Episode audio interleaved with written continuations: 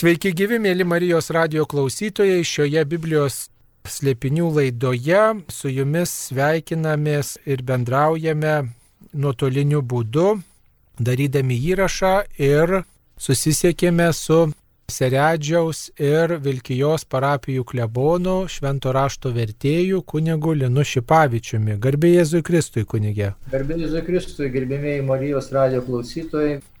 Taigi šiandien sausio šeštoji kaip tik yra trijų karalių šventė, taip liaudyje įprasta, nors šie trys minimi žmonės nepavadinti karaliais.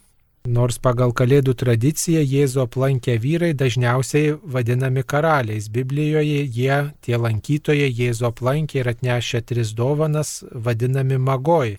Karaliais juos pradėta vadinti po kelių šimtmečių. O gal tokiu būdu siekta pagražinti štai visą Jėzaus gimimo istoriją, kad Jėzų aplanko ne tik tai piemenys, ne tik tai aplanko dar kokie žmonės apylinkėse buvę, bet ir turtingi karaliai. Taip, čia iš tikrųjų yra toksai labai įdomus interpas Mato Evangelijos, nes tik tai Mato Evangelijoje šis pasakojimas arba šis įvykis yra uždokumentuotas, kad Jėzų gimusi aplanko trys išminčiai. Pas mus taip tradicijoje, katalikų bažnyčios tradicijoje yra populiaru kalbėti, kad tai yra trys išminčiai. Ir štai pats kunigė Sauliau minėjai, kad graikiškai yra magoj arba, kaip mes galėtume sakyti, magai. Bet ta prasme, kad tai nėra tiesioginė prasme magai, ką mes dabar suprantame, tai yra truputėlį visai kita prasme. Ir aš dabar pabandysiu atversti Naująjį Testamentą ir mes žvilgtelsime į Mato Evangelijos antrą skyrių, kur kalba apie šiuos, galima sakyti, tokius įdomius asmenis, kurie vis dėlto nepabūgo tos ilgos kelionės ir atvyko štai į Izraelio žemę aplankyti ir pagarbinti iš tikrųjų gimsenčio Jėzus Kristaus. Tai galbūt pačioje pradžioje mes apibendrinkime tuos asmenius. Kas tai per asmenys? Graikiškas žodis magos visų pirma reiškia, kad tai yra persų išminčius, žinys arba astrologijos žinovas, sapnų aiškintojas, įvairių paslaptingų mokslų žinovas, mokslininkas arba filosofas.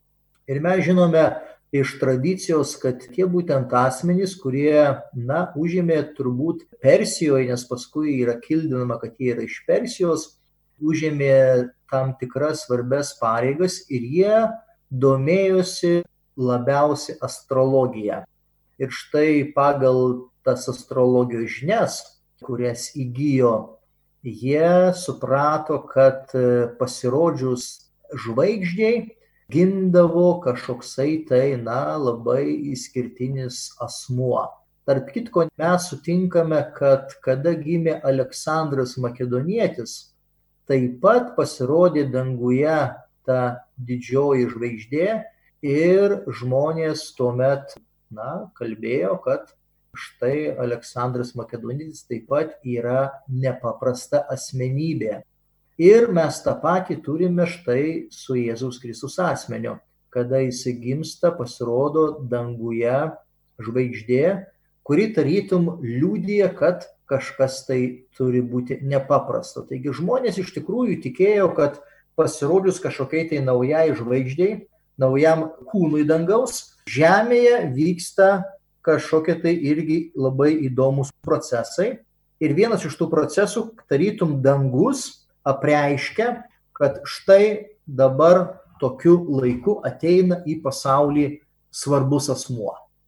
Tai štai mes prieėjom prie tokios išvados, kad tie išminčiai, tie, kurie atkeliauja į Jeruzalę ir jie ieško gimsenčio karaliaus. Taip, jie ieško gimsenčio karaliaus, bet kita vertus tas iš vienos šalies į kitą tolimas keliavimas turbūt irgi reikalavo daug lėšų ir kažkokie žvaigždžių tyrinėtojai turbūt negalėjo keliauti, reikėjo turtų, išteklių tam tikrų su pavojai susidūrė ir dovanas, jeigu nešė. tai tie žmonės tikrai buvo įtakingi, turtingi ir tikriausiai didelė tikimybė, kad jie ne šiaip savo pavadinti karaliais. Nėra abejonės, kad jie užėmė tam tikras svarbės valstybės pareigas, galbūt ir buvo karaliai, bet štai Evangelija iš tikrųjų ryša juos su ta žvaigžde. Ir tarkime, jeigu mes kalbėtume, kad štai, pavyzdžiui, karaliai matė žvaigždę, tai mes tada galėtume kelti klausimą, ar jie buvo specialistai tų žvaigždžių tyrinėjimo. O kada čia kalbama apie astrologus, ar ne, sakykime, arba ten apie persų išminčius, tai tada žmogui suprantama, kad tai yra dangaus kūnų specialistas. Bet jisai tuo pačiu galėjo būti ir karalius, tuo pačiu galėjo būti kažkoks tai ten irgi žymus valstybės ten vadovas ar tarnautojas. Bet štai vat, Biblija būtent jiems priskiria šitą terminą, kad jie yra būtent magai, bet tarkime mes netgi tikrai nenuskurdintume, jeigu mes pasižiūrėtume į Kavaliausko vertimą ir čia ir, ir Jurieno vertimas iš tikrųjų ir kalba apie išminčius. Kalbama ne tik tai apie tai, kad jie užsiminė astrologiją, bet taip pat galėjo užsiminėti ir kitais mokslais, netgi ir, tarkime, filosofiniais kažkokiais tai mokslais. Tarp kitko, Jurienas taip pat verčia, kad išminčiai. Na, bet dabartiniuose vertimuose pas mus lietuvių kalboje dabar vyrauja tas toksai sugrįžimas prie originalo teksto, gan prie tokio pažodinio teksto, supratimo ir dabar bandoma skaitytojui pateikti, kad tai yra magai, bet reikalauja šitą žodis paaiškinimo, nes žmogus dabar supranta, magas tai tas, kuris susiminėja magiją. Jodąją magiją, baltąją magiją, šaukia įvairiausias dvasias ir visa kita.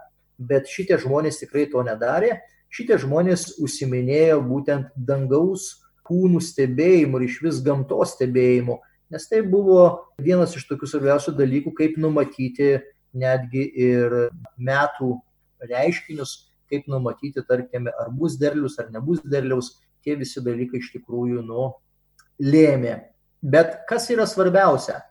Čia evangelistas duoda tokią konfrontaciją labai stiprią ir parodo, kad štai žmonės, kurie visiškai nebuvo susipažinę su apreiškimu, visiškai nebuvo susipažinęs su Seno testamento tradicija ir pranašystėmis ir jie tarytum mato, taip pat yra toliau čia mes kalbame apie vyriausius kunigus, rašto mokytojus ar ne, kurie buvo toje tradicijoje, kurie iš tikrųjų žino mintinai tą apreiškimą Dievo ir žino pranašystės ir jie yra tokioje pasyvioje būsenoje arba galėtume sakyti, jie yra užsijėmę savais reikalais ir jie net nepakelia akių į viršų, jie nemato to žvaigždės. Ir štai kada ateina, tarkime, tie svetimšaliai, svetimtaučiai ir kada užduodamas yra klausimas, kur yra žydų karalius, mes matėme jo žvaigždę. Ir tada erodą apima siaubas, ištiktas siaubo, nes visai kitomis kategorijomis jisai, na, priima tą žinią. Jisai galvoja, kad štai jisai toj bus nuverstas nuo sosto. Tie, supranti, vyriausi kunigai arba rašto aiškintojai, kur jau kultas buvo įsivystęs, kur jau buvo aukojami šventykloje aukos ir šventės, viskas jau ėjo savo linkime jau tūkstantį metų, nes praktiškai po karaliaus Saliamono praėjo beveik tūkstantis metų. Tai jau tarkime, kaip mes dabar žiūrėtume į katalikų bažnyčią apie 10 amžių, kad jau ten jau liturgija, gėdojimai, bažnyčios jau raštai, viskas buvo įgyvendinta. Tai va štai yra jiems toksai didžiulis šokas. Bet atkreipkime dėmesį dar vieną dalyką. Ne šiaip savo ateina tie išminčiai arba magai, atkeliauja tokią didelę atkarpą arba šitiek tūkstančių kilometrų jie padaro ne šiaip savo, bet jie ateina pagarbinti arba nusilenkti. Ir čia iš tikrųjų labai įdomus tas graikiškas terminas, proskineo graikiškai reiškia. Iš tikrųjų čia yra daug reikšmių, galėtume skaitytojų netgi jas ir perskaityti, kad truputėlį plačiau atsivertų jo akiratis. proskineo reiškia pagerbti nusilenkiant, atliekant gilų nusilenkimą, o netgi pulti veidų ant žemės ir garbinam asmeniui bučiuoti kojas arba drabužio kraštą. Tai va tas pirma reikšmė. Toliau sekanti teikti garbę, didelę pagarbą, kam nors pulti veidų prieš ką nors, pagarbiai nusilenkti, pagerbti nusilenkiant kam nors, tai yra dieviškos adoracijos gestas, parpulti ant žemės prieš apsireiškinti Dievą ir tik tai prieš jį. Ir reikia atkreipti dėmesį, kad tame laikmetyje žmogus parpuldavo ant žemės, na, Izraelio tautoje arba Izraelio toje visuomenėje tik prieš viešpati Dievą. Ir jeigu jie štai ateina ir jie pasako, žinai, pavartoja arba, nu, tarkime, Evangelija vartoja šitą vat, veiksmažodį proskineo, tai Erodas supranta, kad ne tik tai, kad čia gimė karalius, bet jisai supranta, kad e, tai gimė ir dieviška asmenybė, nes tik tai pradžios knygoje 22 skyriuje, kada Abraomas eina su Izaoku ant Morijos kalno aukoti viešpačio auką, kada eina, na, Abraomas aukoti savo sūnų Izaoką. Ir irgi tas pats yra žodis, ten tik tai hebrajiškas hištava, reiškia būtent pagarbinti. Na, tai tas pagarbinimas yra čia būtent viešpaties Dievo. Šitame tekste iš tikrųjų labai yra, na, gili ta tokia teologinė linija, nors atrodytų, kad tas pasakojimas yra labai paprastas. Štai ateina trys asmenys, ar ne, iš tikrųjų tai netgi jau kalbant apie tą skaičių, mes čia jo net neturime, Evangelijų nėra išvardinta, bet tradicijoje štai yra čia trys tie asmenys, nors tradicija iš tikrųjų rytų tai kalba, kad jų ten tų išminčių buvo kur kas daugiau, pas mus vakarų tradicijoje taip e, išliko, kad tik tai trys asmenys. Bet tai parodo, kad tie žmonės, arba kitaip pasakysiu, Biblijoje tai parodoma, kad tie, kurie tarytum yra toliausiai nuo išrinktusios tautos, jie yra jautriausiai širdimi Dievo atžvilgiu ir tie, kurie arčiausiai, sakykime, o štai, pavyzdžiui, Erodas, ne, karalius Erodas. Ką reiškia karalius Erodas? Tai reiškia, kad jisai atstovauja visą tautą Dievo akivaizdoje. Pažiūrėkime, pavyzdžiui, karalius Saulis, karalius Dovydas ypatingai. Tai atstovavo iš tikrųjų tautą Dievo akivaizdoje, aukojo viešpačioje aukas. Ir meldėsi, ir visa tauta eidavo pas karalių prašyti ne tik tai, kad juos apsaugotų nuo priešo, bet taip pat ir užtartų pas viešpatį Dievą. Kunigė Sauliau, jūs ką nors dabar ištarkite į šitą mano naraciją. Na, man tai vis tiek norisi, kaip sakyt, paremti tą liaudės tokią tradiciją, e, vadinti tuos atvykėlius viešpaties pagarbinti vis tik karaliais, nes mes taip esame įpratę savo tikėjimu ir be to man labai imponuoja tos dovanos, kurias atnešė Jėzui tiek išminčiai, magoj, jeigu taip laikytumės jau originalaus žodžio O kaip liaudė sako, trys karaliai atnešė dovanų, vis dėlto tos dovanos brangios buvo net ir šiems laikams, ir smilkalai, ir auksas, ir myra, ypatingai auksas, neaišku, kiekis to aukso, kiek ten atnešė, bet tai yra brangios, nepaprastai vertingos dovanos. Ir, sakytume, kažkokie išmintingi žmonės, kurie ten žiūri žvaigždės, tyrinėja filosofai, Ar jie galėjo tokių dovanų turėti? Iš kur pas juos tokios dovanos? Paprastai filosofai išminčia, jie nei šventajame rašte, nei tradicijoje nėra tokie labai turtingi žmonės, kurie galėtų labai gausiom, brangiom dovanom apipilti kitus žmonės. Ir Čia, man atrodo, tikrai, va, jie buvo tokie valdžio žmonės, kad galėjo net aukso atnešti ir ten tikrai to aukso tikriausiai atnešė labai daug. Žinoma, tai yra simbolis turbūt mes ypatingai tą dvasinę prasme perskaitom, bet jeigu taip pažodžiui žiūrėtume, tai atnešti tikrai jau tokį tolimą atstumą, tai reiškia aukso turbūt jau daug atnešti, tam, kad būtų tas asmuo pagarbintas. Ne šiaip savo su trupinėliu aukso, atnešti didelį kiekį aukso turbūt arba pakankamą kiekį.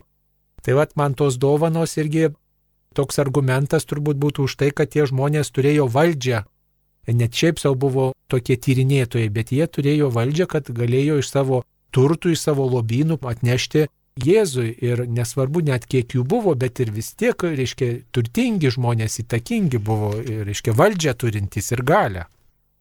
mūsų mentalitete arba pasąmonėje, kada mes kalbame apie, pavyzdžiui, kažkokį tai filosofą arba išminčių, tai mes turime asociaciją su graikiškais filosofais.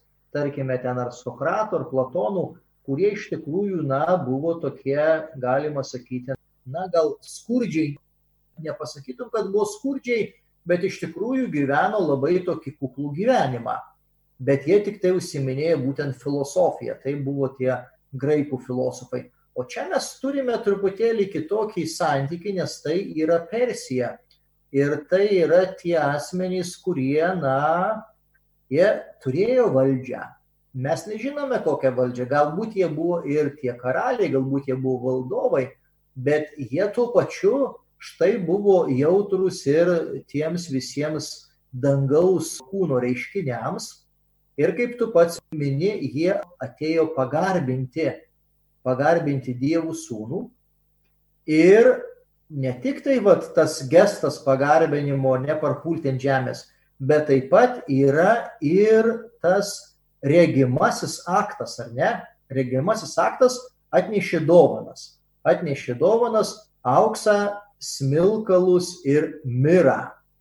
Tai iš tikrųjų galbūt va šitie visi trys išvardinti dalykai, jie atspindi tuo meto kultūrą. Aišku, kaip minėjai, tai yra brangus dalykai. Mes nežinome, kiek, tarkime, atnešė aukso, bet jeigu tais laikais skaičiavo, tai piniginis vienetas aukso buvo talentas, na ir jeigu, sakykime, atnešė Jėzui bent vieną talentą, tai yra 34 kg aukso tai yra na, didelė suma.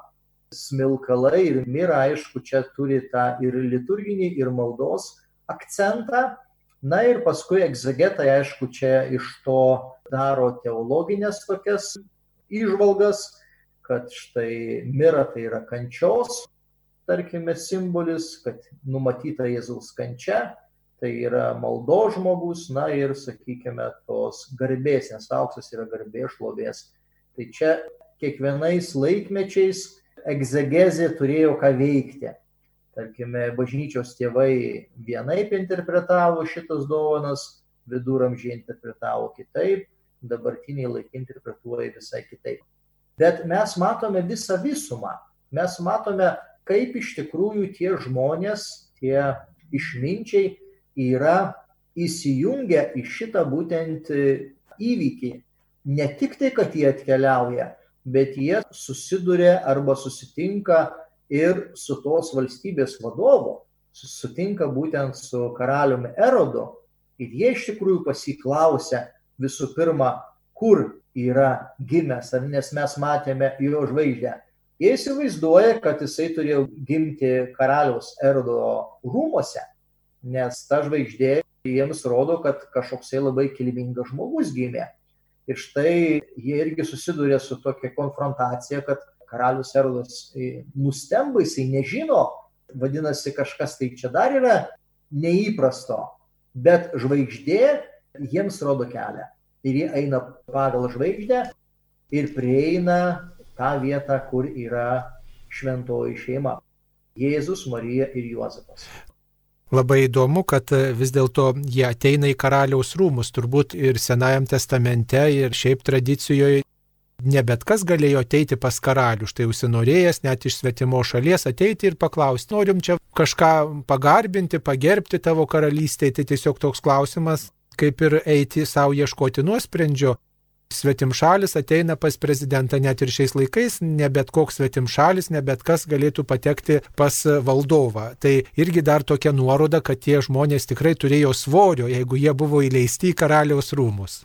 Na taip, šiais laikais net pas vyskupą nepateksi, kada nori. Nepateksi ir, žinai, pas popiežių, kada nori. Pas prezidentą turi būti užsakyta audiencija, ar ne? Tai ir anais laikais panašiai buvo, juk mes iš Seno testamento knygų skaitom Esterą, taigi irgi, na, jeigu jinai būtų karalienė, negalėjo bet kada užsinorėjus eiti pas karalių, tik tai tada, kada karalius suteikė tą malonę, o kitaip grėsė mirtis.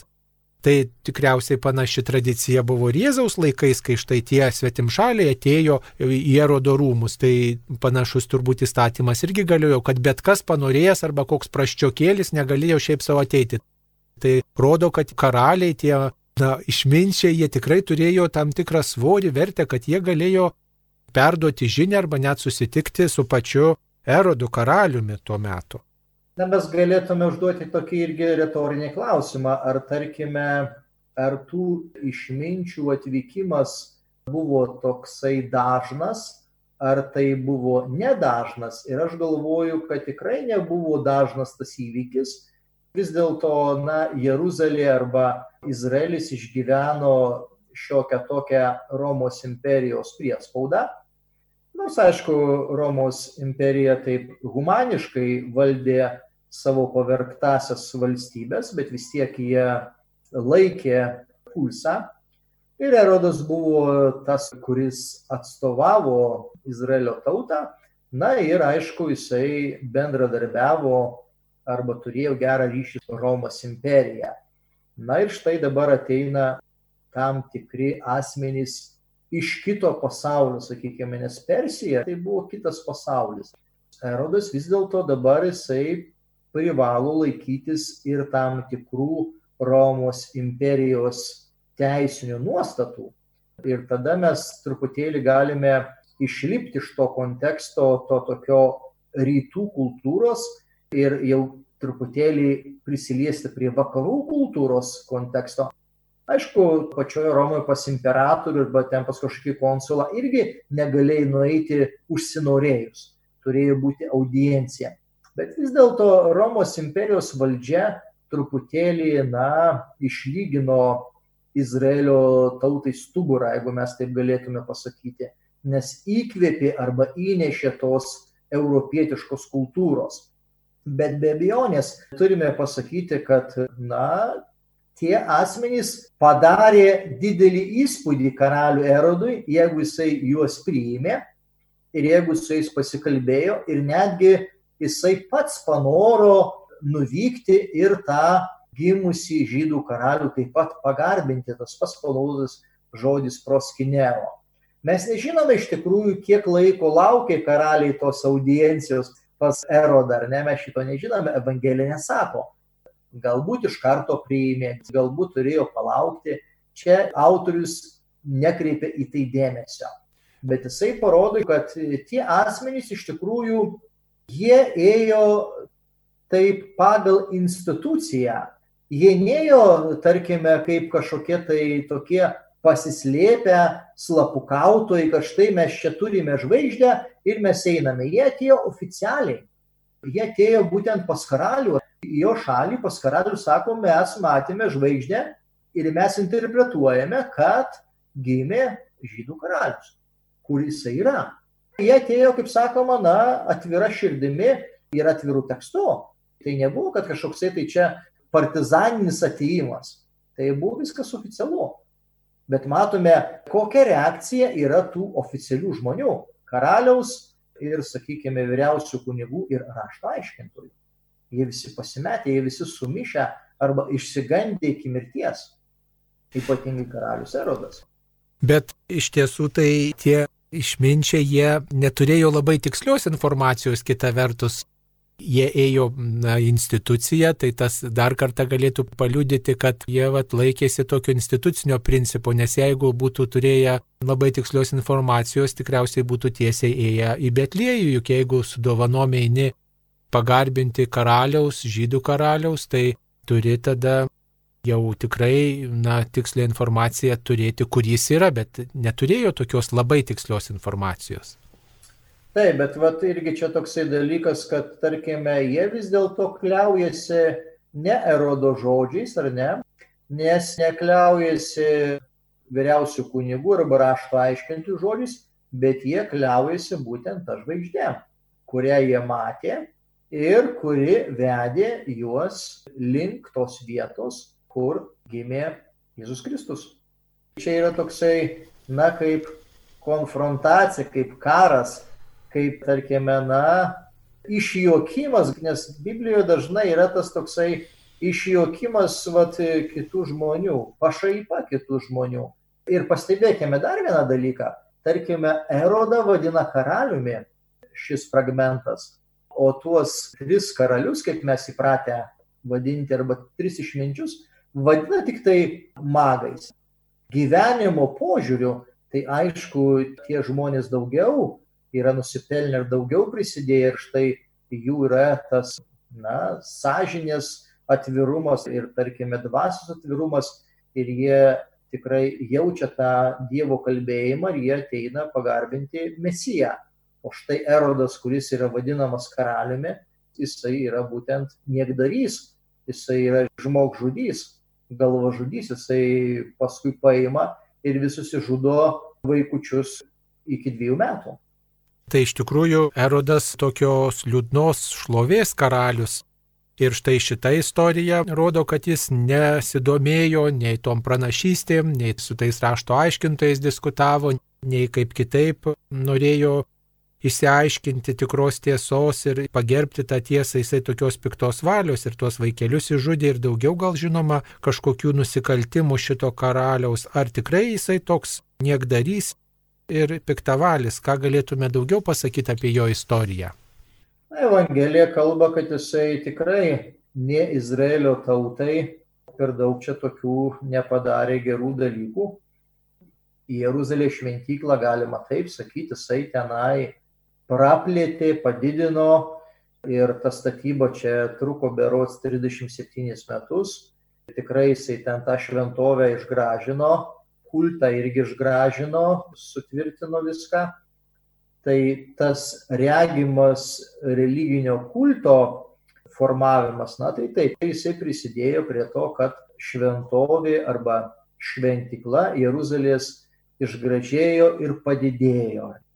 Bet jisai bendradarbiavo su Romos imperija, su Romos imperatoriumi ir, tarkime, tokio tikinčio žydo akimis jisai buvo tėvynės išdavikas ir Dievo išdavikas.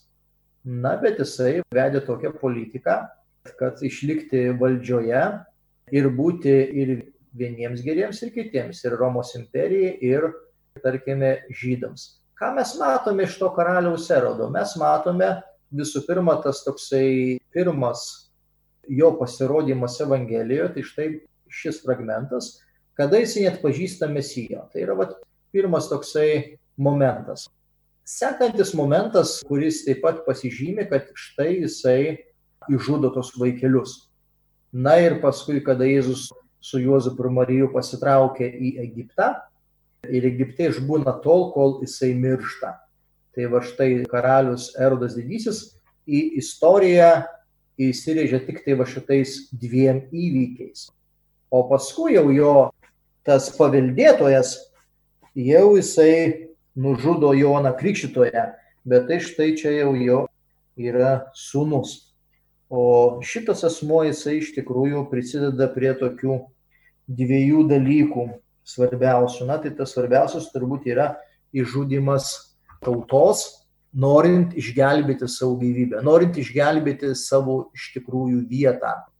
Ir tai yra labai tokia irgi Biblijos kalbėjimo tema, kad e, tai yra labai didelė nuodėmė, kada žmogus nori išsaugoti savo poziciją, savo kažkokią tai vietą, savo valdžios vietą, darbo vietą. Taip mes galėtume interpretuoti. Na taip pat šitoj ištraukoje, kurią mes čia svarstome, mato Evangelijos antrajame skyriuje, nuo pirmos iki pat 13 eilutės ir toliau, galima sakyti, Jėzus pirmą kartą pristatomas Evangelijoje kaip karalius. Kur yra gimusis žydų karalius? Štai Jėzus pavadintas žydų karaliumi. Ir galiausiai ant kryžiaus taip pat užrašyta Jėzus Nazarietis žydų karalius. Pilotas tokį užrašą užrašo. Kodėl Jėzui prilipo toks apibūdinimas, kad jis yra žydų karalius, juk iš tiesų jis buvo paprastas žmogus, pasišaukė 12 paštalų, nenešiojo jokių karališkų insignijų, o štai nuo pat jo gimimo iki pat jo mirties, va štai tas titulas toks prie jo tarsi limpa. Pagal Seno testamento sampratą Mesijas buvo tapatinamas su karaliumi. Ir buvo suprantama, kad mesijas ateis iš karališkos giminės, iš karališkos šeimos. Tai yra antras Samuelio knyga, septintas skyrius, kada pranašas Natanas karaliui Dovydui pažada, kad štai iš tavo giminės arba štai iš tau dinastijos bus palikonis, kurio viešpatavimui nebus galo. Ir tai buvo suprantama, kad jeigu kalbam apie Mesiją, tai jisai turi būti karalius. Ir neatsiejama dalis. Nes karalius iš tikrųjų, na, Izraelio tautoje vykdė labai svarbią funkciją. Jisai buvo atstovas visos tautos prieš Dievą. Ir žiūrėkime, truputėlį mes čia užsiminėme, kad karalius Dovydas aukodavo viešpačiui aukas už tautą prieš įvairius mūšius, kada Izraelio tauta kariaudavo su viena arba su kita valstybė. Taigi karalius iš tikrųjų atstovavo tautą ir karalius buvo, tarp kitko, taip pat pateptasis, nes norint būti karaliumi, pranašas patepdavo į karaliumi. O mesijas iš tikrųjų hebrajiškai mašiach yra pateptasis. Tai yra atitikmo karaliaus. Tai jeigu Jėzų laikė mesijų, tai automatiškai jį laikė ir karaliumi. Ir štai karaliaus ta savoka Evangelijoje karts nuo karto jinai prasimuša. Ir štai e, ateina svetimi žmonės išminčiai iš rytų, iš Persijos ir jie jį identifikuoja kaip karalių.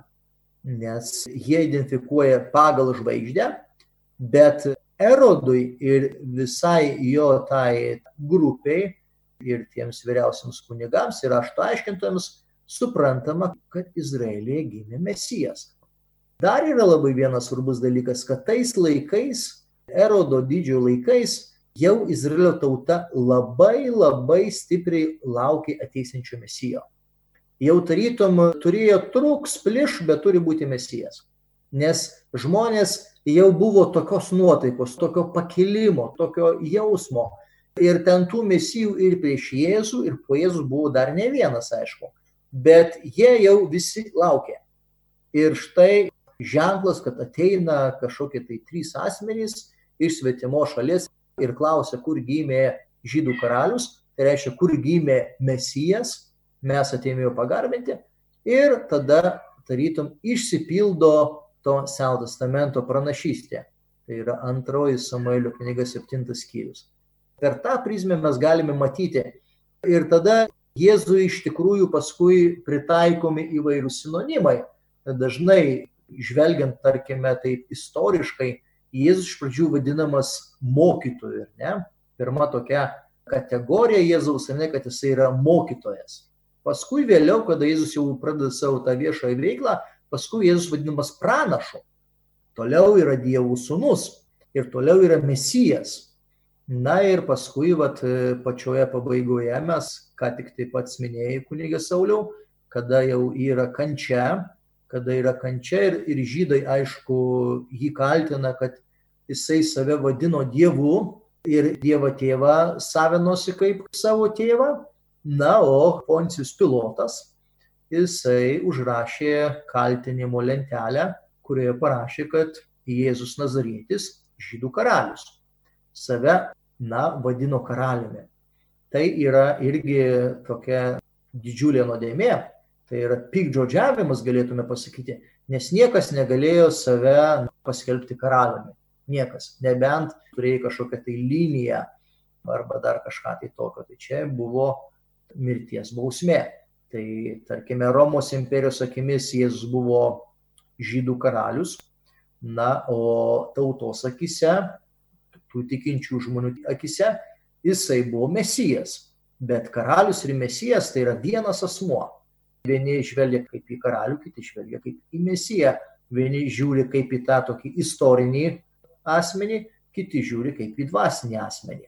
Bet turbūt nuo pat pradžių šmėžuoja tokia vat, mintis, kad štai ir šitoje ištraukoje Evangelijoje pagal mat antrajame skyriuje ir Evangelijų pabaigoje ta karalystės samprata, Jėzaus karališkumo samprata buvo skirtingai suprantama. Reiškia, Jėzus turbūt kalbėjo ir tą karališkumą prieimė vienaip ir štai mes jį priimam kitaip, negu kad žydai tuo metu suprato. Ir tas erodo neprieimimas ir tų švento rašto aiškintojų neprieimimas tokio karaliaus Ir paskui pabaigoje, Jėzaus gyvenimo žemiško pabaigoje, tas e, supratimas, kad jis prisistatė žydų karaliumi, mes kitokio karaliaus laukiam, kitokį karalių priimam. Štai tos sampratos labai skyrėsi ir taip labai simboliška, kad svetimieji atpažino jame karalių. Iš tikrųjų, tai Izraelio tautoje buvo tokios, galima sakyti, dvi linijos. Vieni taip literaliai interpretavo iš tikrųjų Seną testamentą ir tarkime laukia, kad štai Mesijas turi ateiti iš karališkos šeimos. Ir jie laukia tiesiogiai, kad ateis Mesijas iš karališkos šeimos. Tačiau, tarkime, buvo tie, na, tokie, kurie labiau žiūrėjo tą dvasinį gyvenimą, kaip, pavyzdžiui, Esienai, gyvenantis Kumranė, tai jie teigia, kad Mesijas, kada ateis, mes nežinosim, nei iš kur, nie ką. Ir Jėzus išpildo būtent Esienų arba Kumrano bendruomenės lūkesčius. Bet jisai neišpildo tos tradicinės religijos ar ne vyriausių kunigų, rašto aiškintojų, fariziejų sadukėjų lūkesčius. Bet atkreipkim dėmesį, kad jisai ateina ir prasideda ta viešoji veikla ir ką jisai skelbė Morkaus Evangelijoje pirmajame skyriuje 13 eilutėje. Įtikėkite ir atsiverskite, nes priartėjo Dievo karalystė jisai pradeda skelbti karalystę, ar ne? Dievo karalystę arba dangaus karalystę. O kas gali skelbti tą karalystę? Tik tai karalius. Bet jisai to neįvardina, kad aš esu karalius. Kada paskui jau klausia, ar tu esi žydų karalius, jisai atsako tą tokią semitinę kalbą, aramėjiškais, tu pasakėjai. Tai reiškia, kad tai yra tiesa. Bet tarkime, jisai visą savo viešąją veiklą tarytum įrodo kad jisai yra mesijas ir tas žydų karalius, skelbdamas gerąją naujieną arba evangeliją apie Dievų karalystę arba apie dangaus karalystę. Bet evangelistams, ypač evangelistui Matui, buvo labai svarbu taip pat pagrysti, kad Jėzus turi ryšį su karališkąją giminę. Juk pirmajame skyriuje skaitome Jėzaus kilmės knyga, Jėzaus gyvenimo genealogija, ji tegul tokia simbolinė galbūt yra, bet jie norima pagrysti tą Jėzaus ryšį su karalium Dovydu ir taip pat su Saliamonu, reiškia, kad visi pažadai išsipildo Jėzui ir kad jis turi tokį teisinį bent jau ryšį su karaliais. Tai galbūt tai noras pagrysti, įrodyti, evangelistai nori įrodyti, kad štai šitas asmuo tikrai yra tas lauktasis karalius. Tas vat, būtent Izraelio iš vis įdomus momentas atsiradimas karaliaus Izraelio tautoje Izraelio tauta vienu metu buvo vienintelė tauta, kuri neturėjo karaliaus. Ir jie teigia, kad tikrasis karalius tai yra Jahve, tikras karalius yra Dievas. Ir jiems nereikia to žemiško karaliaus. Bet paskui, kada vis dėlto vystosi situacija ir kada reikia bendradarbiauti su kitomis tautomis ir žmonės pamatė, kad kitos tautos turi karalių, ir tada jie išsirenka karalių, bet kas jiems išrenka karalių? Jiems išrenka karalių viešpats Dievas per pranašą Samuelį. Tai vėlgi tas karaliaus ateimas į Izraelio tautą nėra toksai natūralus, koks buvo kitose tautose. Ir dėl to tas karaliaus asmuo, jisai yra visiškai kitoksai, turi kitokią ontologinę prasme arba esmę nei kitų tautų karaliai. Bet pasižiūrėkime į istorijos kiekmę, kol Dievas skyrė karaliumi ar karalių Saulių pirmą karalių arba karalių Dovydą ar karalių Saliamoną, tarytum tauta klestėjo. Bet kada žmonės patys norėjo tapti karaliais ir tuos karalius, tuos tikruosius ar nužudė, ar tie karaliai numirė ir paskui jie paėmė valdžią, jiems nesisekė. Nei jiems nesisekė, nie tautai nesisekė. Ir tai yra kalba, kad vis dėlto tą karaliaus funkciją tai Dievas laimina ir Dievas išrenka. Ir Jėzus yra Dievų išrinktasis, Dievų sūnus, kuris ateina į šį pasaulį ir jam būtent yra atiduota ta valdžia. Ir jisai yra tas tikrasis karalius. O Erodas tai yra parodija, jisai atstovauja tautą, jisai turi kažkokį tai dialogą su Romos imperija, jisai toksai yra marionetinis karalius. Bet tas tikrasis karalius, Izraelio karalius, kuris funkcionavo kaip karalius Dovydas arba Saliamonas, tai yra Jėzus Kristus. Susisiekėme su Seredžiaus ir Vilkijos parapijų klebonų švento rašto vertėjų kunigu Linu Šipavičiumi.